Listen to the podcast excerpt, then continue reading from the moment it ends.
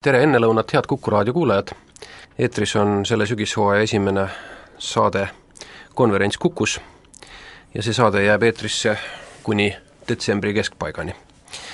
nagu igal aastal kogunevad selgi sügisel mõtlevad juhid oktoobrikuus Pärnusse, et Pärnu juhtimiskonverentsil omavahel mõtteid vahetada ja kuulata, mis juhtivatel mõtlejatel, mida juhtivatel mõtlejatel uut on öelda selleaastane konverents kannab pealkirja Juhtimine ja järelkasv. see on ka meie saatesarja selle sügiseseks pealkirjaks, teemaks. nii enne kui pärast konverentsi kavatseme selles sügishooaja konverentsi saates siis rääkida nendest teemadest, mida ka juhtimiskonverentsil käsitleme. ja tänases avasaates on stuudios Pärnu konverentside juhid Toomas Tammsaar ja mina, Tõnis Arro ja meil on külas eh, meie hea klient eh, Riho Rassmann, kogenud juht, kes on käinud pea kõikidel konverentsidel ja juhib praegu SBM Panka. Riho, sina panid ennast, äh, nagu sul kombeks, esimeste hulgas juhtimiskonverentsile kirja, äh, kohe nagu see välja kuulutati, et äh, miks sa seda tegid, kas selgi korral nagu, nagu igal eelmisel peaaegu või? ei no ikka sellepärast, et et mingi asi saab juba ka harjumuseks ja kui asjal on hea kvaliteet, siis on ju kui hea, kui sellist harjumusest nagu kinni peetakse. ja minu arvates on Pärnu konverents suutnud läbi aegade ja mitte ainult juhtimiskonverents, vaid ka finantskonverentsid, kus ma olen mitmetel käinud, pakkuda alati huvitavaid teemasid, häid esinejaid ja, ja head seltskonda, kellega on võimalik siis ka kuluaarides rääkida samadel teemadel vahest ka äri ajada, vahest ka lihtsalt lobajuttu ajada mm. -hmm. väga hea, see kõlas nagu reklaamtekst ja et meie seda Toomasega ei rääkinud aga ja mulle selle eest ei maksta ka ehm, aga äh, konverentsi teema on sel aastal juhtimine ja järelkasv ja, ja selle teema ütles esimest, esimesena välja Toomas äh, ja, ja, ja paljud, kellega me seda teemat arutasime, kiitsid selle kiiresti heaks ja ja niisiis selle pealkirja ümber saigi programm üles ehitatud. Toomas, äkki sa kommenteerid kõigepealt lühidalt, et kuidas, kuidas sa selle sellise teema sõnastuse peale tulid? eks ma proovin, kui, kui lühidalt see nüüd välja tuleb. kõigepealt Eesti on, on minu meelest äh, sattunud olu, olukorda, kus äh, kus on, on sattunud resonantsi kaks äh, väga olulist äh, jõudu. esimene on kogu maailmas toimuv äh, talentide ja eel, eriti juhtimis, aga ka tehniliste talentide ähm, sõda. firmad äh, otsivad talente taga ja, ja see on muutunud, see sõda on muutunud piiriüleseks. see tähendab seda, et äh, Ameerika, Inglise, Iirimaa, Jaapani, mis iganes, firmad otsivad oma töötajaid mitte ainult oma riigist, vaid väga lihtsalt üle kogu maailma. Äh, teiseks äh, on Eesti tööjõu avatuse mõttes tõepoolest sattunud üsna uude olukorda, et kui me oleme teoreetiliselt võttes olnud üsna avatud juba, juba oma viisteist aastat, siis, siis noored inimesed on viimase paari-kolme aasta jooksul järsult aru saanud, et nende tegevusväli ei, ei ole ainult Eesti, see on, see on terve maailm. et ma arvan, need kaks, need kaks jõudu on, on, on üksteist praegu võimendamas. nüüd äh, kui, kui te mäletate, ma olen kindel, et te mäletate, viis aastat tagasi Pärnu konverentsid te viisid koos Fontesega läbi ühe Eesti tippjuhtide uuringu. et me olime kõik sellega natuke ja. seotud. ja, ja kõige olulisem järeldus, mis sellest uuringust kõlama jäi, oli see, et et Eesti juhid võrreldes oma lääne kolleegidega arendavad teisi inimesi oluliselt vähem. See on otseselt juhtide järelkasvu küsimus et, et muudes, muudes valdkondades, muudes kompetentsides olid Eesti juhid üsna sarnased oma lääne kolleegidega, aga mitte inimeste arendamises. Mm.. Edasi, meie, meie juhtimiskonverentside üks kõigi aegade säravamaid esinejaid, rootslane Jonas Riedestale, kelle, kelle sulest on ka kaks raamatut eesti keeles ilmunud, Pöörane äri ja, ja Karaoke kapitalism tema väga teatraalselt teatas, ma mäletan korra lava pealt, äh, et Marxi unistus on täitunud, võim on läinud töörahva kätte. nii et te, te kuulete nüüd sellist evangeeliumit. Äh, asi pole muidugi nii lihtne, äh, ta ei ole läinud igasuguse töörahva kätte, aga võim on läinud saavutajate kätte. ja ja, ja need on, ma arvan, on niisugused peamised peamised taustad selle, selle teema taga. et kui me Eestis vaatame, mis on, milline olukord on meil tööjõuturul kujunenud, siis siis töötajaid enam nii ei otsi, et sa paned kuulutuse lehte ja siis sa saad pika nimekirja ja nende hulgast sa valid siis viie hea hulgast parima. Töötajaid tuleb minna välja otsima, mis tähendab seda, et et värbamisfunktsioon on muutunud lihtsalt sisseostufunktsioonist turundusfunktsiooniks. see on, see on väga oluline muutus, see on, see tähendab, et võim on, on nihkumas. ja, ja kui, kui tööjõupuudusest Eestis räägitakse palju, me arvame, et isegi liiga palju, et see on kohati selliseks lihtsalt halinaks muutunud, siis, siis probleem on samas muidugi olemas. selle koha peal praegu ma, ma lõpetan. Riho, sa mitme koha peal noogutasid ja märkisid endale üles mõne mõtte, et mis, mis sul meelde tuli sellega seoses, mis Toomas rääkis? ei no täpselt see tuligi meelde, et et mida aeg edasi, siis tõesti seda raskem on saada äh, häid inimesi äh, lihtsalt sellise kuulutuse põhimõttel ja kui nüüd vaadata tagasi oma aegadesse, kui ma töötasin sadamas või ka nüüd SBM pangas, siis tegelikult need inimesed, kes on äh, tõesti väga head ja kes, kes on vajalikud nagu juhi funktsioonide täitmiseks, sest ega neid inimesi tuli ka suisa ise otsida. ja kui rääkida sellest müügifunktsioonist, sest ega tegelikult äh, konverentsidel esinemine mida mul on ka mitmed korrad ette tulnud, igasuguste presentatsioonide tegemine, osalemine tudengitele suunatud üritustel, ega see ei ole tegelikult ju juhi jaoks äh, mitte midagi muud, kui eelkõige ikkagi endale uute särasilmsete inimeste otsimine, oma firma äh, eest äh, rääkimine, selle firma atraktiivseks tegemine ja noh, kui selle käigus saab ka rääkida mõnel juhtimisteemal või muul teemal, et see, need kaks asja lihtsalt nagu toetavad seda asja jah, see, mulle meenus äh, niisugune võrdlus, mida kunagi üks personaliotsinguga kaua tegelenud inimene ütles, et, et, et see aeg on möödas, kus äh, töölevõtu intervjuul küsiti inimese käest, et öelge nüüd siis, miks me peaksime just teid võtma? Tõestage meile, mille pärast teie olete kõige parem. et nüüd äh, peab juht küsima niimoodi, et et mida me peaksime tegema, et teid endale saada. ja, ja, ja teine asi, mis mulle meenus, on see, et väidetavalt on Microsofti korporatsiooni palgal, noh püsipalgal, pidevalt kolmsada inimest, kes, kes tegelevad ainult sellega, et, et jahtida talente üle maailma. et no ühesõnaga, püsipalgal olevad headhunterid, kes hoiavad pidevalt sidet parimate oma ala spetsialistidega ja lihtsalt käivad nendega lõunal, ajavad juttu, et siis sobival hetkel küsida või sobival hetkel tulla meelde sellele inimesele, kui tal on parajasti oma, oma ülemusest isu täis või tööst äh, tüdimus peal. no ma arvan, et siia on jõudnud see, see aeg, mis ju tegelikult äh, spordis ja profispordis on juba ammu olnud ja aastakümneid ja võib-olla isegi juba aastasadu, kui me räägime siin pesapallist või või Ameerikas korvpallist või ka nüüd jalgpallist üle maailma, sest tegelikult need inimesed kogu aeg käivad mööda maailma ringi ja samamoodi samamoodi nagu me tahame endale saada häid juhte, häid inimesi, häid spetsialiste, tahavad ju kõik spordivõistkonnad saada endale nagu tippmängijaid. ja neile pannakse ikka juba väga varasest noorusest eh, esialgu pilk peale, pärast ka käsi peale jah, see on huvitav analoogia, muuseas räägitakse ka sellest, et et juhtidel äh, hakkab, et tekib üks uus äh, niisugune nagu, nagu roll äh, juhtimiskonsultantide juures, et see hakkab olema juhi mänedžer. et nagu, nagu, nagu jalgpallimängijal on tema agent või mänedžer või staaril, et nii hakkab juhil olema ka mänedžer, kes, kes vaatab, et kuidas ta saaks talle parema diili või, või parema pakkumise või parema niisuguse karjäärivõimaluse järgmiseks.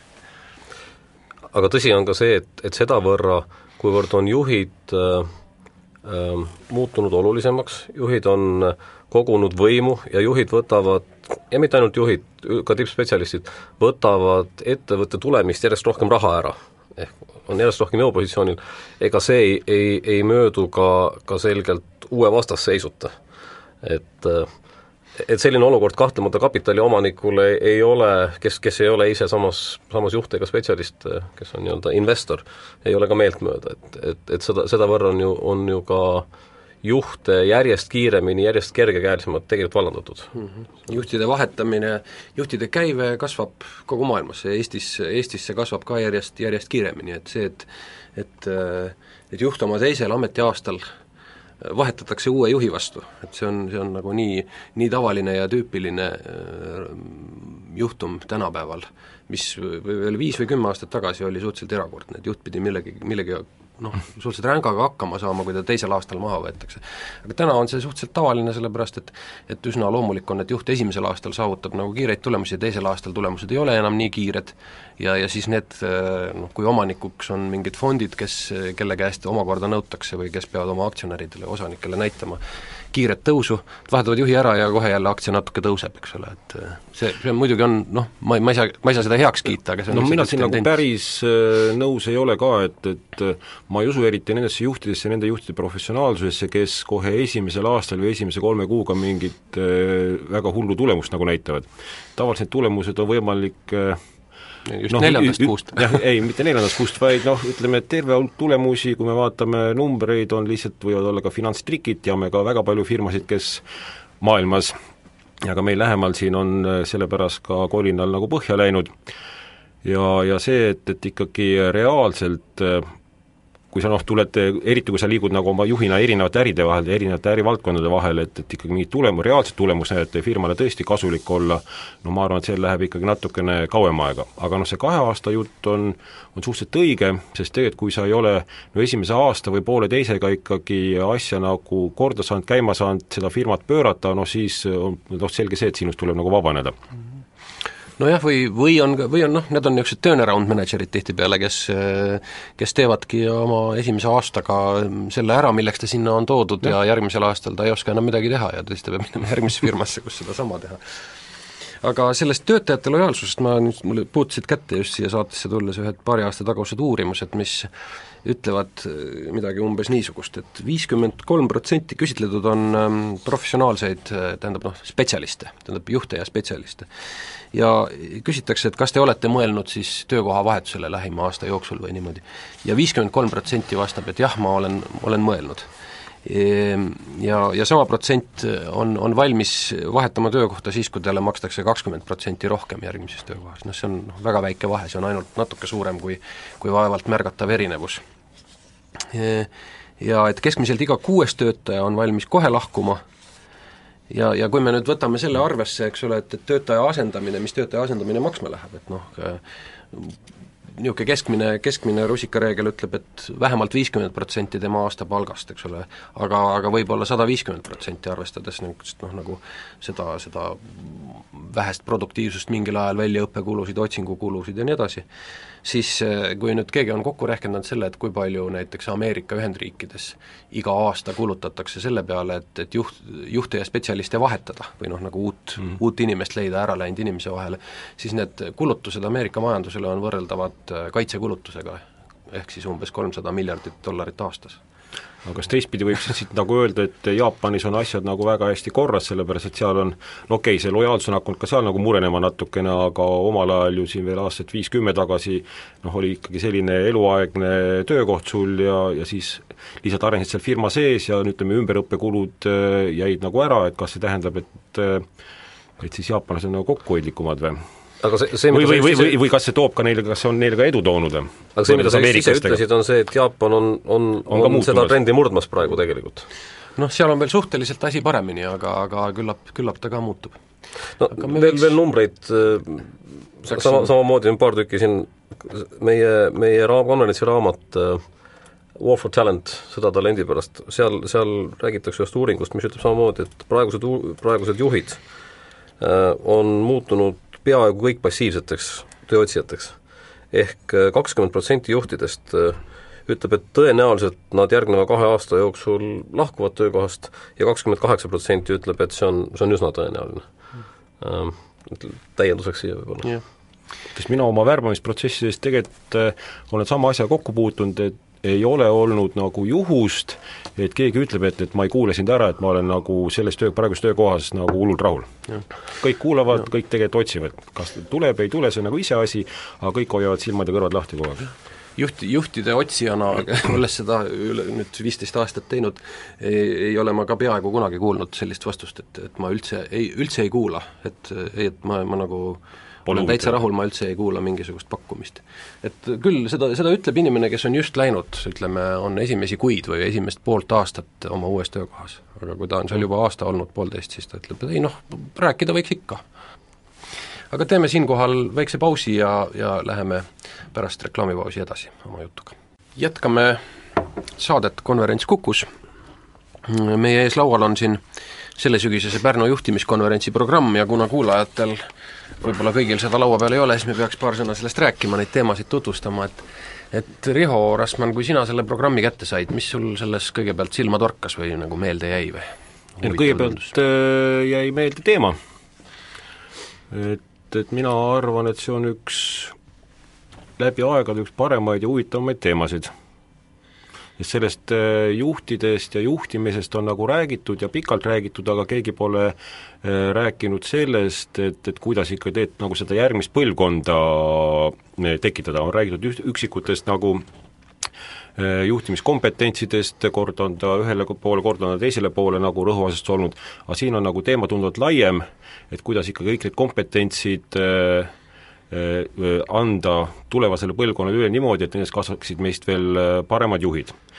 ja noh, teine asi, et alati on äh, suutnud Pärnu konverentsid üllatada heade peaesinejatega, ja ma arvan, et ka see, need peaesinejad ja see raamat kindlasti saab olema väärikal kohal minu raamaturiiulis. üks teema, mis mind ennast alati huvitab, on ka see, et et siin niisuguse alateemana on juht ja tema lapsed et sellest on eh, küll palju räägitud, eh, aga räägitud alati natukene võib-olla noh, kuidagi natukene liiga ümber nurga või, või siis liiga nagu klišeelikult, et oh, umbes et a la, et juhtidel pole aega ja, ja mis iganes, et, et kuidas need lapsed ikkagi kasvavad, et see võiks kindlasti olla ka niisugune huvitav teema, mis kindlasti, ma arvan, tõstab diskussiooni jah, sellest ähm, esimesest, mida sa mainisid, talendisõjast ja juhtide järelkasvu kasvatamisest, ongi konverentsil nagu kaks põhiettekannet, üks peaesineja siis Helen Handfield-Jones, kes on ühtlasi konverentsiraamatu autor, räägib sellest, et kuidas siis seda juhtide järgmist põlvkonda arendada tuleks ja et et missuguseid müüte ja eksiarvamusi selle juures äh, tavaliselt inimestel on üks neist on see, et, et nagu, nagu võiks juhte õpetada, et Helen äh, näitab oma uurimustega seda üsna veenvalt, et et niisugusel noh, tavalisel auditoorsel õppel või sellel, et paned inimesed kuskile klassi ja õpetad neile tarkusi, et sellel on noh, kaduvväike osa äh, juhtide arendamisel, et suurem osa on sellel, et sa annad talle võimalusi omandada uusi kogemusi ja, ja juhendad teda ja innustad ja annad ka võimaluse oma eksimusi läbi teha ja teine niisugune peaesineja, kes sellest räägib, on äh, IF Kindlustuse kontserni personalidirektor, endine ka konsultant ja, ja lendur, väga huvitav inimene, Johan Börjesson, kes räägib ähm, nagu järgnevuse planeerimisest organisatsioonis, kuidas terviklikult niisugust süsteemi luua, et, et igale kohale oleks oma, oma järg, järglane olemas. tema ettekandes ilmselt on just küllalt huvitav see, et ta räägib äh, niisugustest ohtudest, mis Põhjamaade ärikultuuris äh, Äh, sellist talendi arendamise ja, ja parimate e-, e-, edutamise süsteemi kipuvad takistama.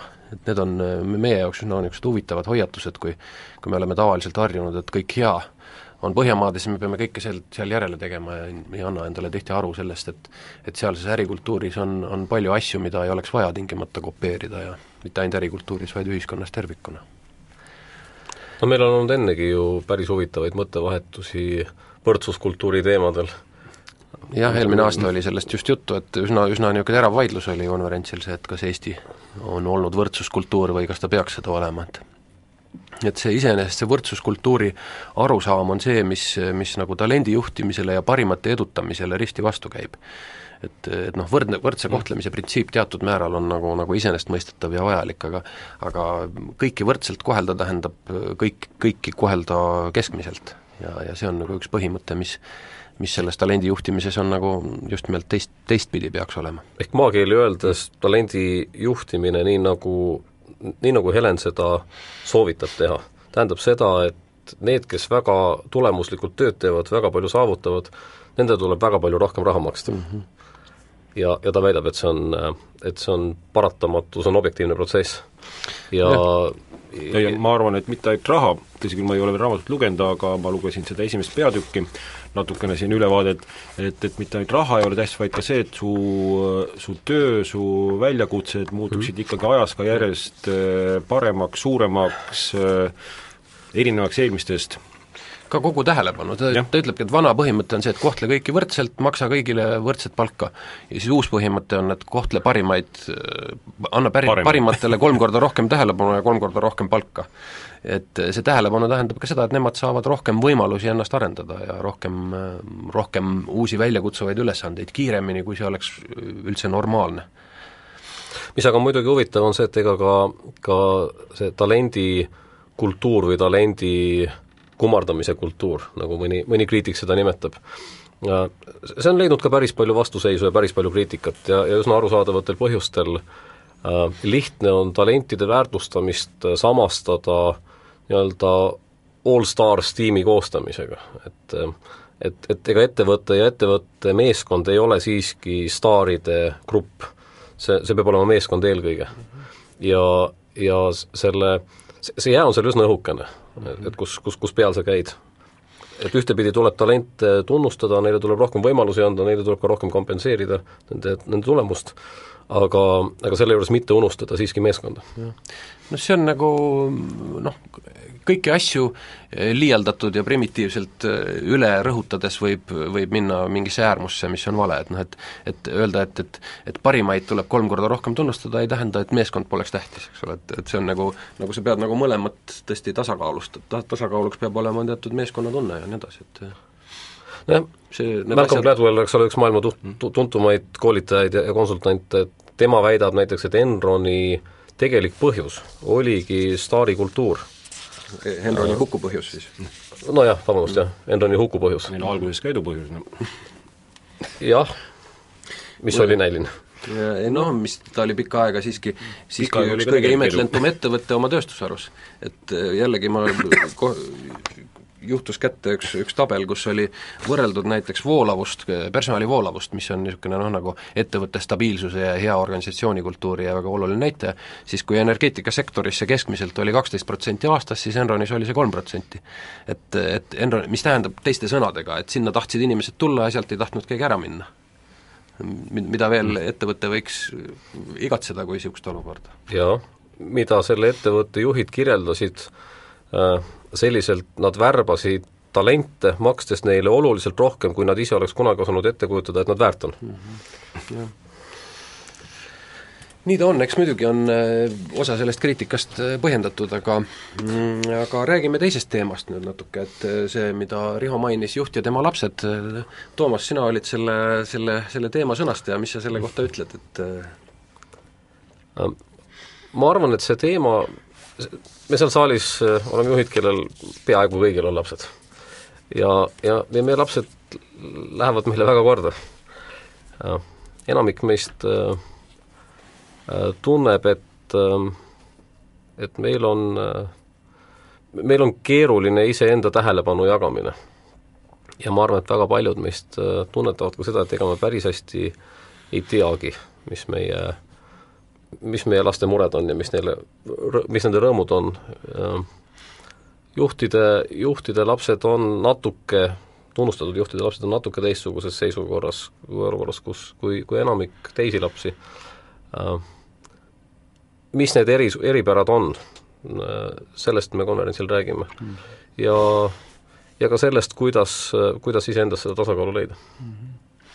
Jah, selge on see ju, et, et, et, et juhi laps on, on võib-olla väljastpoolt teistsuguse tähelepanu all ja, ja võib-olla tema, tema vanematel on selle tähelepanu jagamisega vahel probleeme.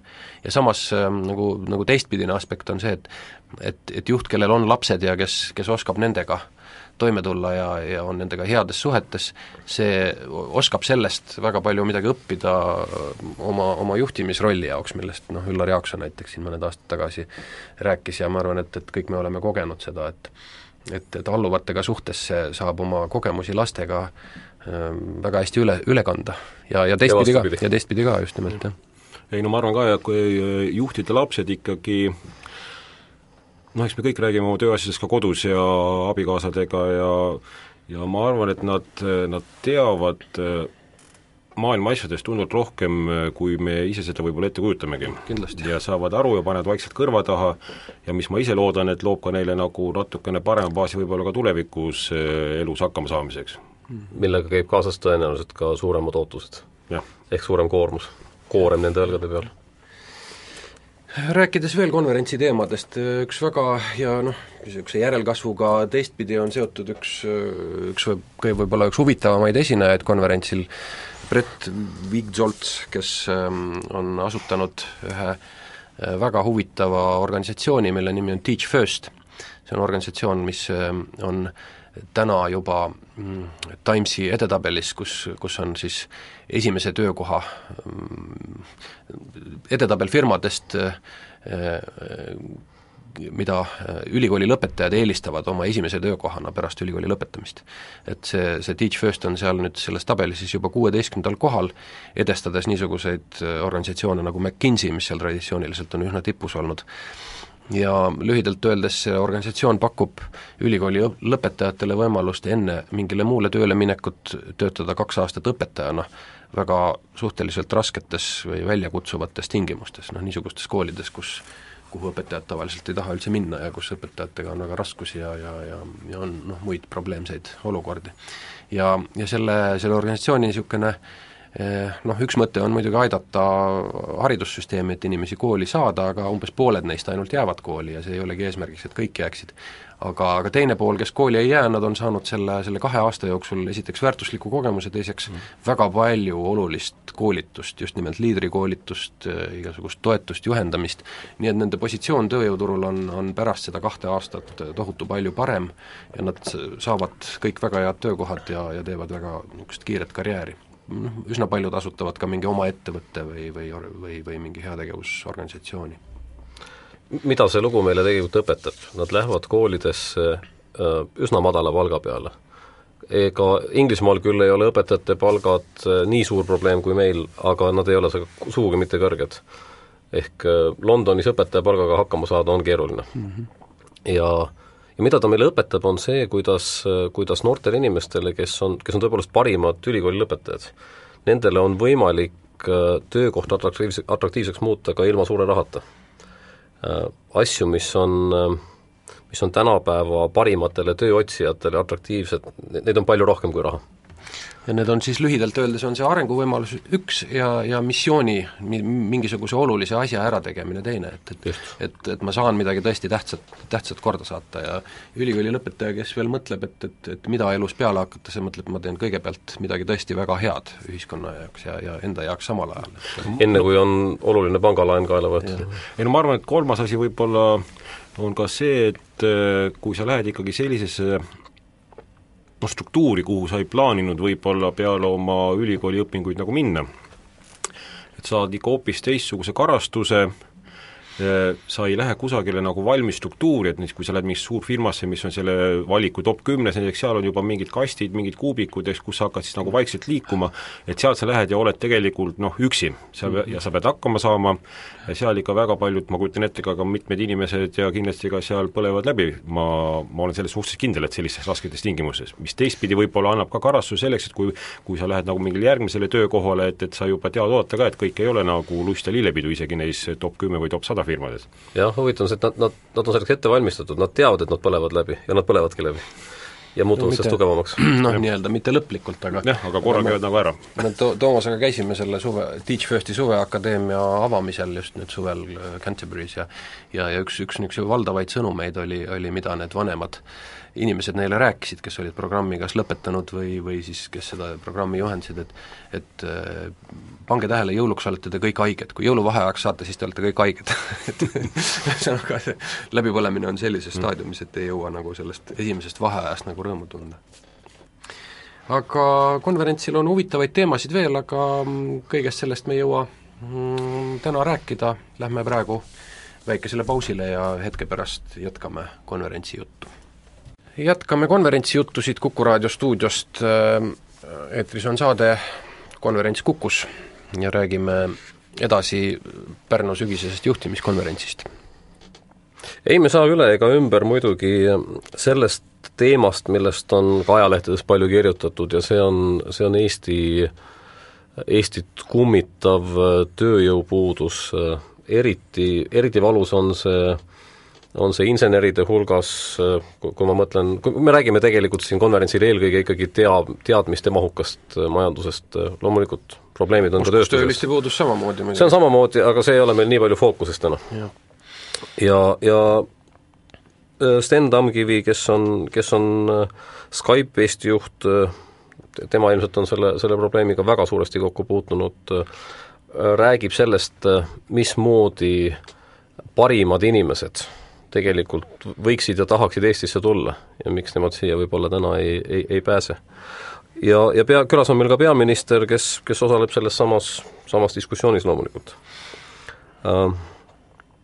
Aga, aga sellest sessioonist praegu pikemalt ei räägiks, palju huvitavam on minu meelest äh, veel kõnelda hetkel ühest, ühest teisest, nimelt äh, teisest asjast. nimelt on Eesti äriringkondades on üsna üsna selge arusaam, Eesti vajab insenere, Eesti vajab rohkem insenere ja veel rohkem insenere. Äh, ja lisaks natukene siis ähm, majandusteadlasi, loodusteadlasi, fundamentaalteadlasi. Äh, on ka seisukoht, et see ei ole päris tingimata nii. meil on konverentsi, konverentsil on, on, on sessioon, kus, kus esineb Rein Raud, ja, ja tema räägib äh, sellest, miks Eesti siiski vajab ka humanitaarintelligentsi. Tõnis, kas no õieti, Rein räägib äh, Tallinna Ülikooli rektor, esimene rektor jäeti Tallinna Ülikoolil sellise nimega asutusel siis, räägib ähm, pealkirja all Elu ilma aadlita, sellest, kuidas äh, sel ajal, kui oli olemas aadel, oli, oli noh, nagu sünnipärane eeldus saada ähm, juhtivale kohale, see oligi aadli, aadli roll, kanda, kanda hoolt ühiskonna pärast. ja, ja sellist hoolt nagu sünnipäraselt äh, ühiskonnas, niisuguses mm, modernses või postmodernses ühiskonnas mitte keegi teine ei kanna kui intelligents. ja, ja noh, kui me räägime insenerist, siis inseneri haridus ei, ei, ei anna kuidagimoodi arusaama ühiskonnast, selle, see arusaama ühiskonnast peaks andma just nimelt laiapõhjaline humanitaarharidus. ja see on see humanitaarintelligentsi roll, eh, mida noh, millest, millest Rein räägib, et mis, mis aitab siis ühiskonnal ilma aadlita toime tulla samas sessioonis on ka teine, teine ettekanne Tallinna Ülikooli professorilt Aleksander Pulverilt, kes on uurinud või õigemini annab ülevaate paljudest uuringutest, mis käsitlevad seda, kust poliitikud tulevad, et ähm, poliitikud ei tule nagu, nagu võib-olla meie poliitikutele tundub, et nad tulevad erakonna noortekogudest, aga et Aleksander Pulver näitab uurimuste põhjal, et, et poliitikud on pärit nende lapsepõlvest, et, et kuulsate poliitikute lapsepõlvel on üllatavalt palju sarnaseid jooni. Nendest sarnastest joontest ta siis räägibki. aga võib-olla siinkohal ähm, läheme nüüd sellest konkreetse konverentsi teemalt äh, natukene, mm, natukene eemale ja ja kuulame siinkohal ühte, ühte tsitaati selleaastasest konverentsi raamatust. raamatu pealkiri on siis Sõda talentide pärast. tsitaat. tuhande üheksasaja üheksakümne seitsmendal aastal võtsime firmas McKinsey ja Company kasutusele mõiste sõda talentide pärast. peagi avastasime, et olime nime andnud nähtusele, mida paljud inimesed olid küll kogenud, kuid mitte selgelt sõnastanud. nüüd ühtäkki ilmnenud sõja taustajõud olid juba mõnda aega vaikselt kujunenud tundus, et lausa üleöö oli sõda talentide pärast igaühe huulil. tuhande üheksasaja üheksakümnendate aastate lõpus käis majandus kõrgetel tuuridel ning ettevõtted pidasid võitlust vajalike inimeste värbamise ja kinnihoidmise nimel. ettevõtted pakkusid töötajatele suuri tööle asumisega seotud hüvitisi, töötajad küsisid kolm kuud pärast töö alustamist palgatõusu ning värbajad püüdsid uusi andekaid töötajaid üle meelitada juba enne, kui need oma laua taha olid jõudnud istuda paljudes ettevõtetes oli sadu vabu töökohti, mida ei suudetud täita ning paljud auväärsed talentide kindlused, nagu investeerimispangad ja konsultatsioonifirmad, kaotasid andekaid inimesi uutele internetifirmadele. tuhande üheksasaja üheksakümnendate aastate lõpul ägenenud talendisõda töötajate värbamises ja kinnihoidmises oli lihtne märgata.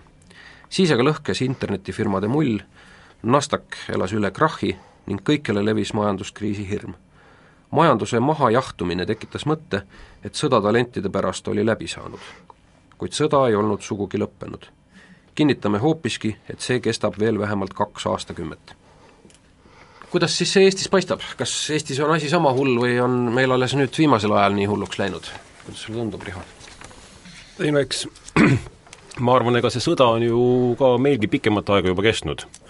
aga keegi ei ole seda samamoodi nagu siin raamatu autorid ei ole nagu seda selgelt äh, välja öelnud.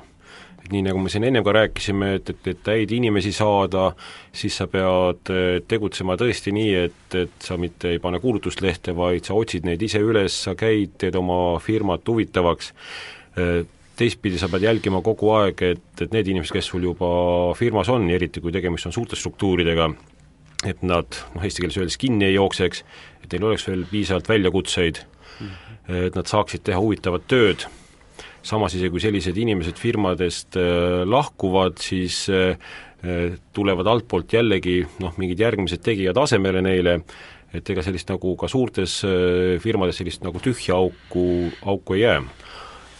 Nüüd teine aspekt on siin selles, et kui tulevad turule uued ja, ja alustavad firmad, siis need on alati noh, ütleme hästi agressiivsed endale uute juhtide ja juhitalendi äh, otsimisel.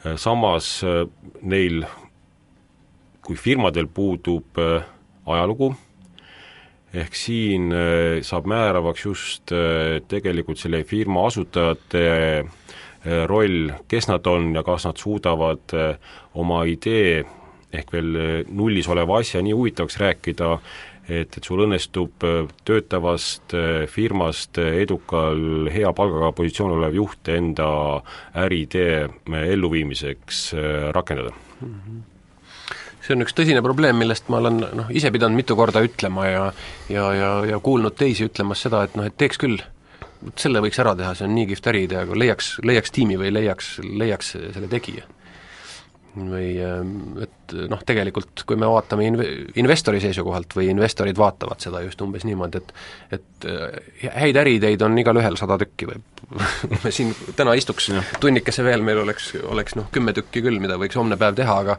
aga, aga kui meil oleks kümme miljonit, kuhu panna, siis me paneks sinna, kus on tiim, kes sellesse usub ja tahab seda teha. Ja, ja teistpidi seda, sellist inimest otsides, kes suudaks nagu noh, sinu äriidee või minu äriidee ära, ära ellu viia, selline inimene peab olema selline, kes suudaks seda ise ka teha. et küsimus on, et miks ta siis ja, ei tee. et, et, et meil on vaja sellist inimest, kes suudaks ise ettevõtja olla, aga millegipärast tuleb äh, nagu, nagu palgatud juhina tööle kellegi teise ettevõttesse. see on see niisugune paradoks mõnes mõttes. jah, kuigi väikese vahemärkusena ma ütleks, et et minu arvates äh, õige sageli ütlemised teeks, aga ei ole kedagi, kes teeks, tähendab ka seda, et ei ole ka väga otsitud seda, kes teeks või, või läbimõeldud seda, et see, kes võiks teha, miks ta seda peaks tegema? tõsi ta on jah, et, et kes otsib, see ikka leiab, et lõpuks äh, kõik head ideed ikka lõpuks tehakse ära ju. kuskil, kuskil kellegi poolt. või siis, või siis hiljem. jah. aga mida, mida meile raamat ütleb selle talendisõja kohta, ta ütleb, et see sõda jätkub, eks ole, noh, tõenäoliselt paarkümmend aastat ja kolm peamist jõudu, mis seda, mis seda sõda edasi viivad või, või hoiavad käimas, on, on esiteks tööstusajastu pöördumatu üleminek infoajastuks. teiseks siis üha kasvav tippnõudlus tipptasemel talentide järele, mitte ainult juhtimis, vaid ka tehniliste talentide järele. ja kolmas, üha suurem, inimeste üha suurem kalduvus töökohti vahetada. ja, ja mis nüüd puudust-, puudutab seda tööstusajastu üleminekut infoajastuks siin on hea natukene võib-olla tausta tunnetada. Äh, mis olid tööstusaja peamised tunnused? Äh, kapitali oli vähe, tööjõudu palju, see tähendas seda, et loodavast väärtusest võttis kapital peaaegu kõik endale. Äh, olukord hakkas muutuma mõnevõrra siis, kui ametiühingud muutusid tugevaks, väga tugevad olid nad kolmekümnendatel, siis hakkasid töölised saama märgatavalt suuremat osa loodavast väärtusest, ametiühingute suured kaotused kukuvad umbes seitsmekümnendate lõppu, kaheksakümnendate algusesse. ja, ja siis tekkis see olukord, kus, kus hakkasid esile kerkima uued äh, uued talendikad inimesed, keda enam ei suudetud värvata keskpärase palga eest äh, äh, suurettevõtete juhtivatele kohtadele. vaid need inimesed said aru, et see väärtus, mida nad oma peaga loovad, nad tahavad selle eest saada ka oluliselt suuremat osa ja seda pakkusid neile eelkõige konsultatsioonifirmad. ja, ja siis algaski sõda suuresti talendi järgi mm. -hmm tänaseks on tavaline lugu juba, et, et mitte tippjuht ei ole kõige kõrgema palgaga inimene, ma ei tea, kuidas, mitte igas organisatsioonis, aga, aga väga paljudes on niimoodi, et ma, ma tuleks korra veel tagasi võib-olla selle konsultatsioonifirmade juurde, et, et tegelikult üks põhjus, miks võib-olla seal tekkis järsku selline nagu hüpe äh, tipptegijate palkadest, mis kandus üle ka edasi tootvatesse sektoritesse, noh, seal oli sama asi, et seal polnud nagu kapit-, noh, need olid vähe kapitalimahukad alad mm. -hmm. et seal sa said nagu tegelikult enamus sellest väärtusest piltlikult saidki nagu laiali jagada ja noh, see võeti palgana piltlikult just välja mm. -hmm. aga sealt hakkasid tunnetama needsamad juhid oma nagu hinda ja väärtust, et miks ma peaksin noh, kui ma lähen tööstusse, kus nagu küll omanik räägib, et ma pean nii palju panema veel kapitali ka alla, et miks ma sulle pean nii palju maksma, teed, ma loon, loon ju sama väärtust mm. -hmm ja, ja, ja, ja samas teadmusmahukad niisugune nagu äri, ärikasv, et nagu, nagu Harri Tegeus kunagi ütles, et et Microsoft, üks, üks maailma väärtuslikumaid ettevõtteid, et kui sa tema bilanssi vaatad, siis rahakapitali ülesleidmiseks sealt bilansist tuleb, on suurendusklaasi vaja. Peaaegu polegi, et kõik, kõik muu on niisugune, ongi, ongi see intellektuaalne kapital, mis, mis firma väärtust nagu loob siin on huvitav, on vaadata just äh, Eesti kohta mul need andmed küll puuduvad, aga, aga Ameerikas kaheksakümnendast kuni kahe tuhandenda aastani äh, see osa, mille, mis maksti firma juhtidena, firma juhtidele välja, kui suure osa see moodustas kasumist. Mm, -hmm see, see osakaal kasvas kaheksa korda mm. -hmm. ja kui suureks ta siis läks protsent, protsentuaalselt? seda protsentuaalselt ei ole siin Lihtsalt küll nendes andmetes esitatud, et kui indeks on, on võetud, eks ole, kaheksakümnendal aastal X protsenti kasumist läks juhtidele mm, -hmm. siis, siis kaks tuhat oli see juba siis kaheksa mm -hmm. korda kõrgem jaa, mul üks, üks lemmiknäiteid sellest valdkonnast on üks äh, näide börsi, börsiettevõttest, oli üks, üks suur börsi, börsiettevõtte reklaamifirma, mis vallandas oma, oma tippjuhi ja see tippjuht oli Maurice Saatchi, firma oli Saatchi ja Saatchi ja siis, siis äh, selle firma aktsia lähema kuu aja jooksul börsil kukkus umbes kümme korda väiksemaks, et ta enne maksis või kakskümmend korda isegi, jah, ta maksis kaheksakümmend neli senti ja noh, ma kujutan ette, muutus nulli näiteks. aga noh, Saatchi, Saatchi vedas sealt ennast välja ilusti selle, ilma, ilma Maurice Saatchita ka, selles mõttes, et ta, tal oli eh, nii palju struktuurset kapitali, et, et nagu kuigi paar klienti, paar suurt klienti läksid ära ja kohe sellele läksid nii-öelda kaasa selle isikuga, kes, kes sealt lahkus. kas see tähendab ka seda, et seal oli, jäi piisavalt talendikaid inimesi just, alles või? just nimelt, just et see ongi õieti noh, nagu võti või väljapääs, et, et et et kuigi talendid või, või inimesega kõnnib väga palju väärtust igal õhtul koju, tuleb firma ehitada üles niimoodi, et et, et, et see ei sõltuks sellest inimesest, et midagi jääks nagu alles. aga meil on küll väga huvitav vestlus, aga siinkohal me vist peame oma saate lõpetama, eetris oli eh, saade Konverents Kukus, ja stuudios olid äh, SBM panga juht Riho Rasman ja Pärnu konverentside juhid Toomas Tammsaar ja Tõnis Arro. Kuulmiseni järgmisel laupäeval!